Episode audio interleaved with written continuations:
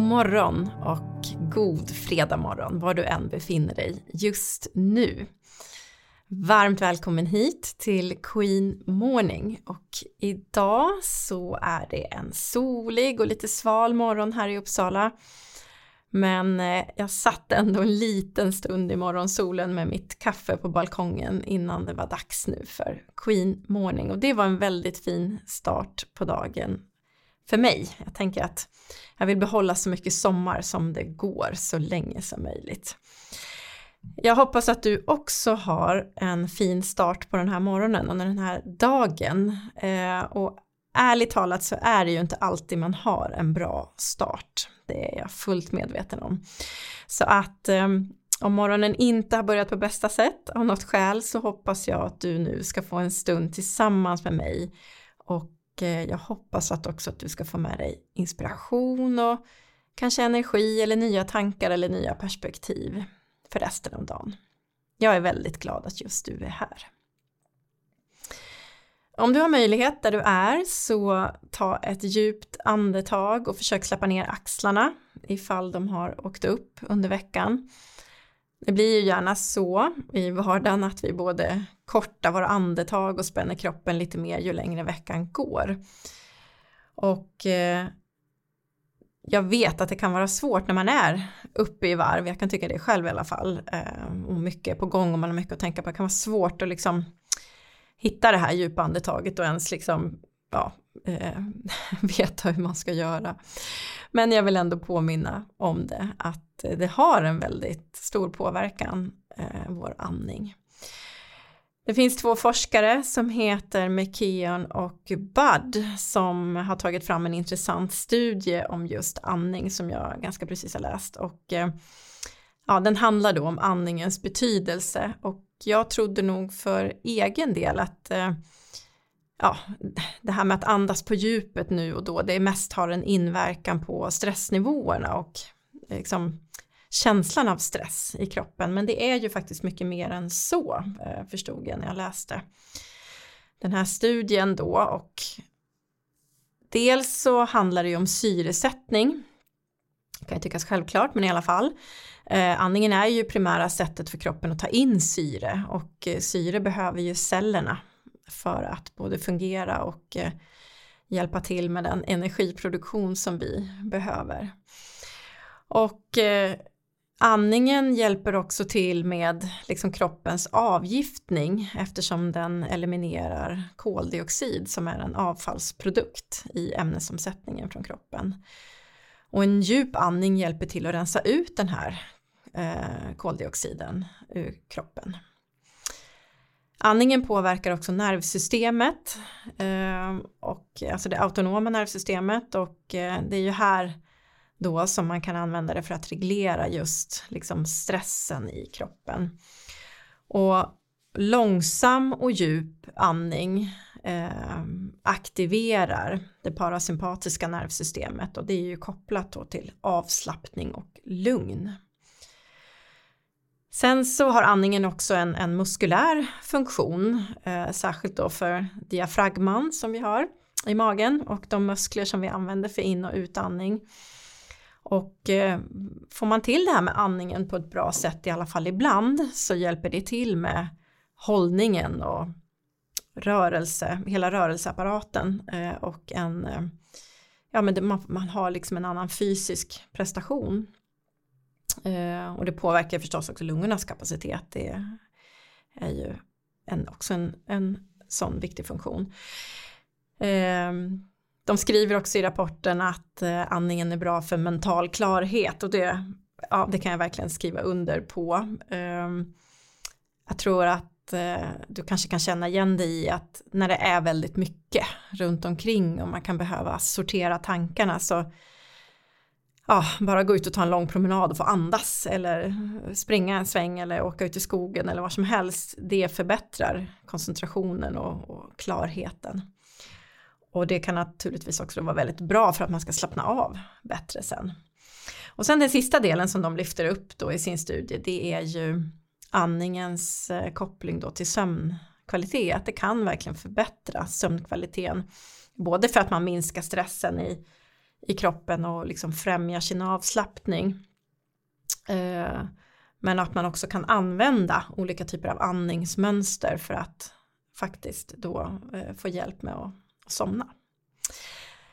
Eh, så för mig, jag, jag tyckte det här var intressant läsning eh, och jag tänker också att eh, andningen för mig har faktiskt blivit mer och mer viktig och ta de här djupa andetagen lite mer medvetet ibland. Ehm, och eh, jag tränar på själv i alla fall att bli bättre och bättre på det. Jag heter Ann Eberhardsson och jag är grundare av Queen of My Life och eh, jag vill möjliggöra mer hållbar framgång i ditt liv och i ditt yrkesliv. Och för mig så handlar det om att ta tillvara på potentialen och kraften som redan finns inom dig för att bidra till en mer hållbar värld. För det börjar med oss var och en, är jag helt övertygad om. Och eh, Queen of My Life är ju inte bara en podd, ett eh, samtal på fredagmorgnar, en plattform, en webbplats, utan det är också en, en gemenskap och stöd och support för dig som längtar efter mer hållbarhet i ditt liv.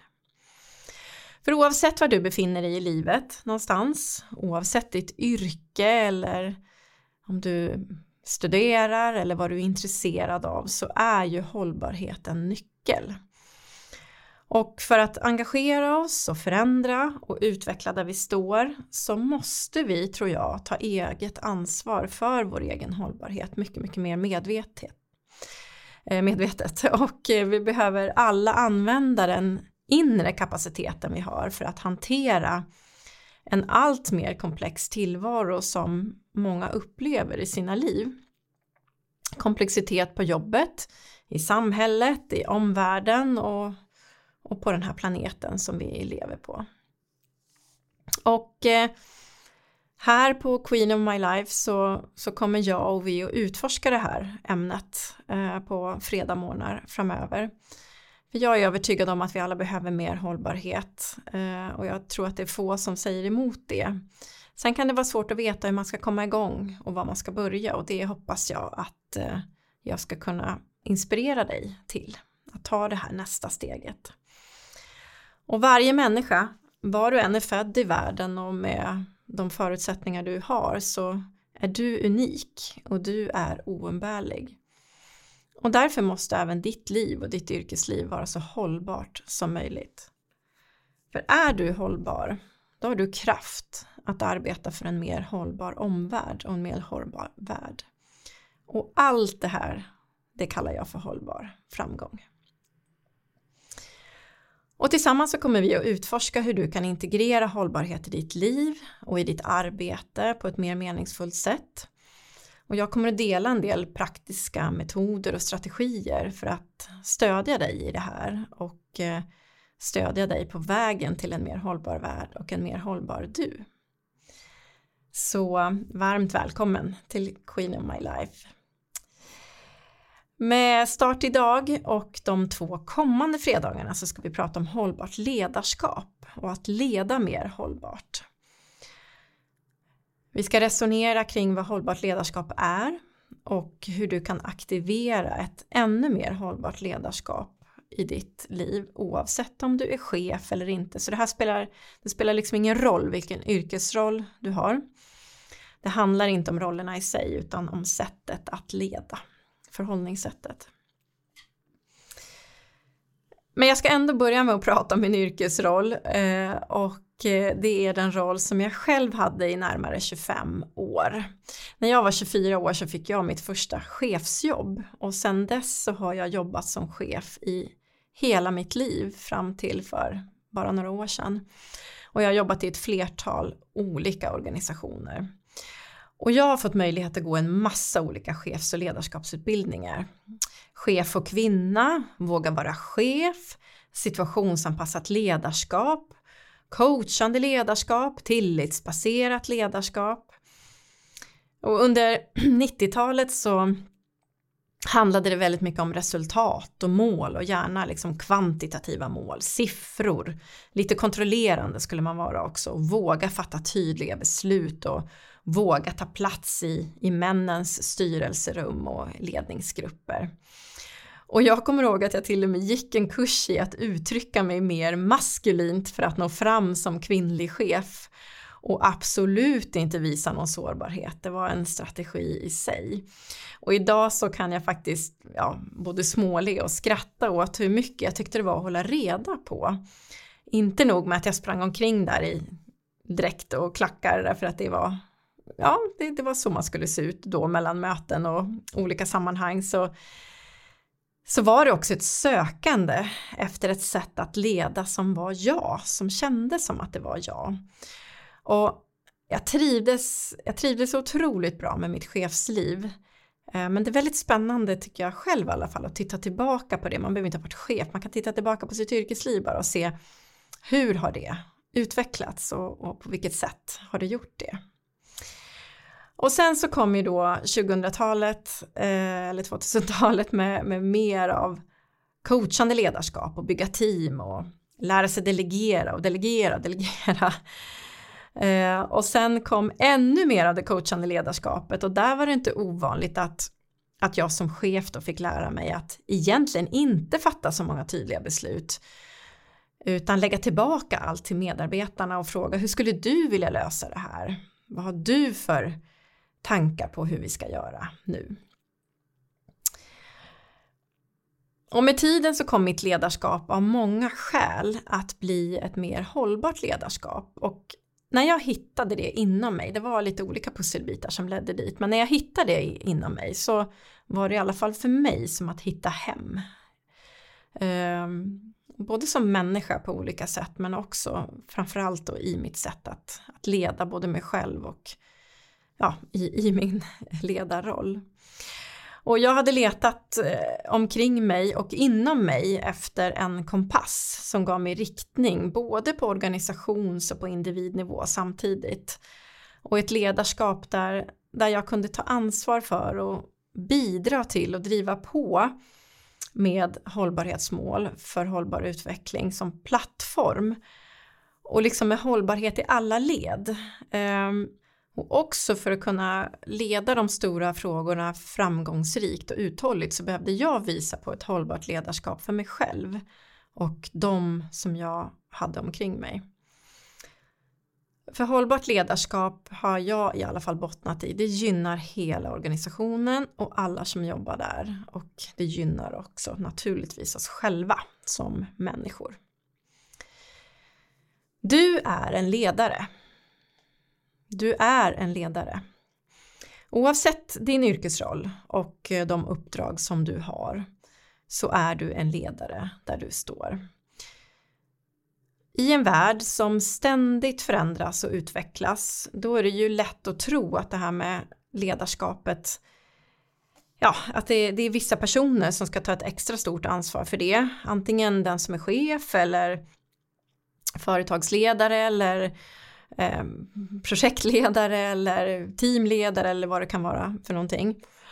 Eh, men sanningen är att, eh, eller min sanning i alla fall, det är att oavsett vilken position vi har eh, på arbetsplatsen eller i våra olika sammanhang så har vi alla en potential i oss att vara ledare. Och det handlar om att ta ett medvetet ansvar för våra egna liv och yrkesliv och eh, skapa en påverkan på vår omgivning, en positiv påverkan på vår omgivning och därmed vara med och bygga en mer hållbar framtid. För ledarskap för mig, det handlar inte om att bestämma allting eller att eh, ja, vad ska jag säga, ta alla beslut eller, eller eh, alltid eh, försöka påverka bara åt mitt håll utan det innebär att ta ansvar. Att våga leda precis just där jag står Oavsett om det är min roll som förälder eller kollega eller vän eller som en del av vårt samhälle, en samhällsmedborgare. För när vi tar ett medvetet ansvar för våra handlingar och vårt agerande och sätter in det i en hållbarhetskontext då uppstår, tycker jag i alla fall, en atmosfär av mer helhet och mening och medvetenhet. Och jag tror att du kan känna igen dig i att mycket har blivit mycket mer komplext. det är fler omständigheter att ta hänsyn till. Väldigt mycket går snabbare. Fler perspektiv ska man försöka hantera samtidigt. Det kan vara svårt att avgöra vad som är sant, vad som är säkra källor. Förändringar går snabbt. Uppdragen på våra arbetsplatser blir fler. Ibland ska de genomföras på mycket kortare tid och, eh, en än tidigare då och flexibilitet och förmågan att vara agil det är ett sätt att navigera i yrkeslivet och hantera förändring. Men det är också börjar bli en slags baskunskap. Att man måste kunna vara flexibel och agil. Och vi letar ständigt efter möjligheter att omprioritera, omnavigera och hitta lösningar här och nu. Och helhetsperspektiv och uthållighet och gränser, det kan kännas väldigt långt borta. Eller så visar de sig ibland, men de tar aldrig över och består. Och här kommer det hållbara ledarskapet in. Vi kommer att jobba med hållbart ledarskap i flera perspektiv de här tre gångerna. Och vi ska zooma in och ut från det som ligger nära, hållbarheten i våra egna liv och hur vi ser till att bottna i att ha ett hållbart yrkesliv och liv. Och sen ska vi zooma ut och integrera hållbarhetsmål på lokal och global nivå. Och vi ska jobba med hur du kan förhålla dig till de här olika perspektiven av hållbarhet som ledare och hur du konkret kan komma igång med ett mer hållbart ledarskap. Så vi börjar här. Har din organisation några hållbarhetsmål? Har ni, tänkt, har ni exempelvis då mål för en hållbar ekonomi eller för minskad klimatpåverkan eller mål för en bättre arbetsmiljö eller andra hållbarhetsmål? Och hur väl känner du till dem? Du kanske vet att de finns, du kanske känner till dem väldigt väl eller så skulle du behöva bekanta dig lite mer med dem. Är det mål som känns abstrakta och ouppnåeliga? Eller är de tydliga och relevanta? Och utifrån de här målen, tycker du att du kan läsa ut och tolka vilka hållbarhetseffekter de här målen ska leda till? Alltså, när ni har nått de här målen i organisationen, vilken effekt det har på den hållbara utvecklingen inom olika områden. Vad din organisation ska bidra till när det gäller förflyttning på hållbarhetsvägen. Och vad kommer du in i bilden? Och hur kan du utifrån det du arbetar med eller engagerar dig i ta ett mer aktivt ledarskap så att också du leder mer hållbart utifrån målen.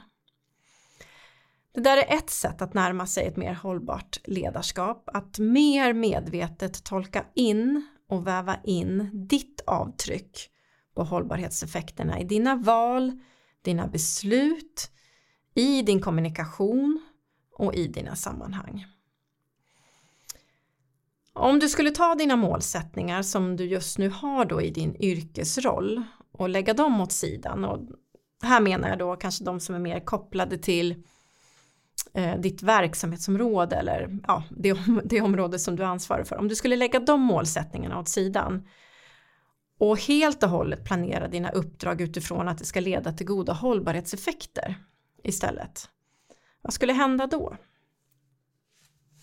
För när vi alla tar ansvar och leder i riktning mot en mer hållbar framtid då kommer det att göra skillnad. Man kan, man kan tycka att det är så små, små förändringar, att det bara är perspektivförändringar, men det gör skillnad för hur du sen fattar dina beslut, hur du kommunicerar, hur du gör dina val. Så det här kan vara ett sätt att, att börja tänka.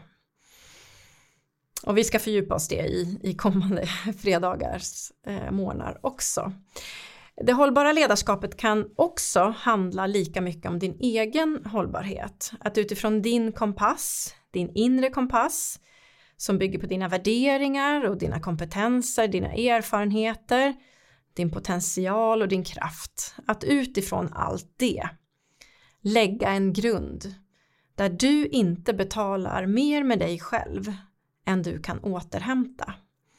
Och där, där du är medveten om och respekterar dina behov av gränser. Och där du tar hand om dig själv så att du också orkar finnas till för andra. Och där du fyller på med ett lärande och hittar strukturer och meningsfulla mönster som bär dig. Jag vet inte vad du tänker nu när du hör det här, om du tycker att det, det där låter väldigt enkelt eller det låter svårt. Det är naturligtvis väldigt individuellt.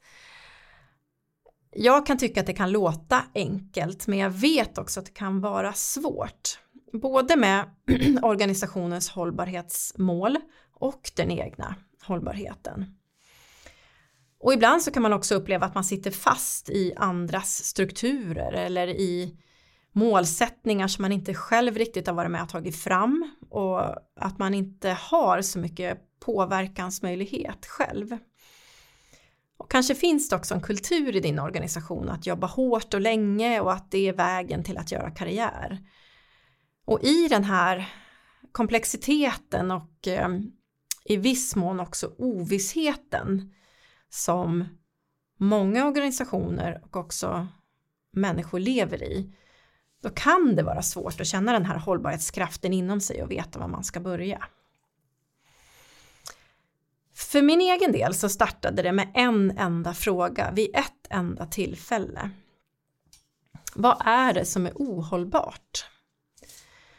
Vad är det som är ohållbart i mitt yrkesliv, i mitt liv, i den organisation där jag jobbar, i, mitt, i de sammanhang jag finns i?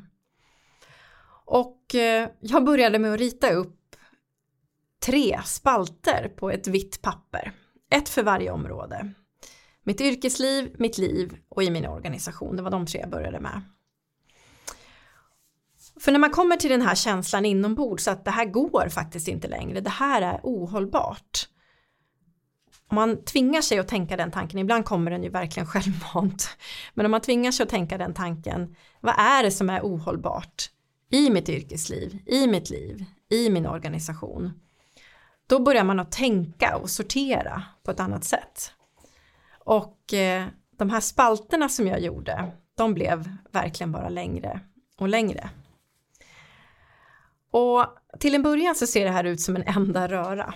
Eh, en stor blandning av ohållbarhet. Men eh, om du skickar upp allting först så kan du sortera sen. Och vi kommer också prata vidare om hur du kan både sortera och växla det ohållbara till mer hållbarhet. För bara om du ändrar en enda sak av allting som kommer upp, om du bara tar ett enda medvetet beslut som du inte har tagit förut, att skifta från ohållbart till hållbart, då är du för det första en ledare, precis där du står, och det kommer att märkas på dig. Och det märks också i dig. Och för andra så har du faktiskt tagit det första steget från mer ohållbarhet till mer hållbarhet i ditt liv. För när du och jag och vi alla tar det här ansvaret och leder oss själva och de vi har runt omkring oss i en riktning mot en mer hållbar framtid, då får det effekter på både oss själva och på vår omvärld och vår värld. Jag hoppas att du har fått lite att fundera på. Kanske är det också läge för dig att plocka fram det här pappret och rita kolumner och börja fundera på vad är det som är ohållbart. Och så ska vi sortera utifrån det. Och det ska vi göra de kommande två fredagarna. Zooma in och ut i vad som är hållbart ledarskap. Och nu önskar jag dig en riktigt bra dag. Precis där du är. Och vill du kommentera det jag har pratat om så får du jättegärna gå in på Queen of My Life på LinkedIn om du har LinkedIn och eh, vill du veta mer om mig eller ta kontakt med mig så finns jag på queenofmylife.se. Och eh, nästa vecka fortsätter vi och jag tror faktiskt att bara genom att du har börjat tänka så har det hänt saker redan till nästa fredag. Var rädd om dig nu, för det finns bara en som du.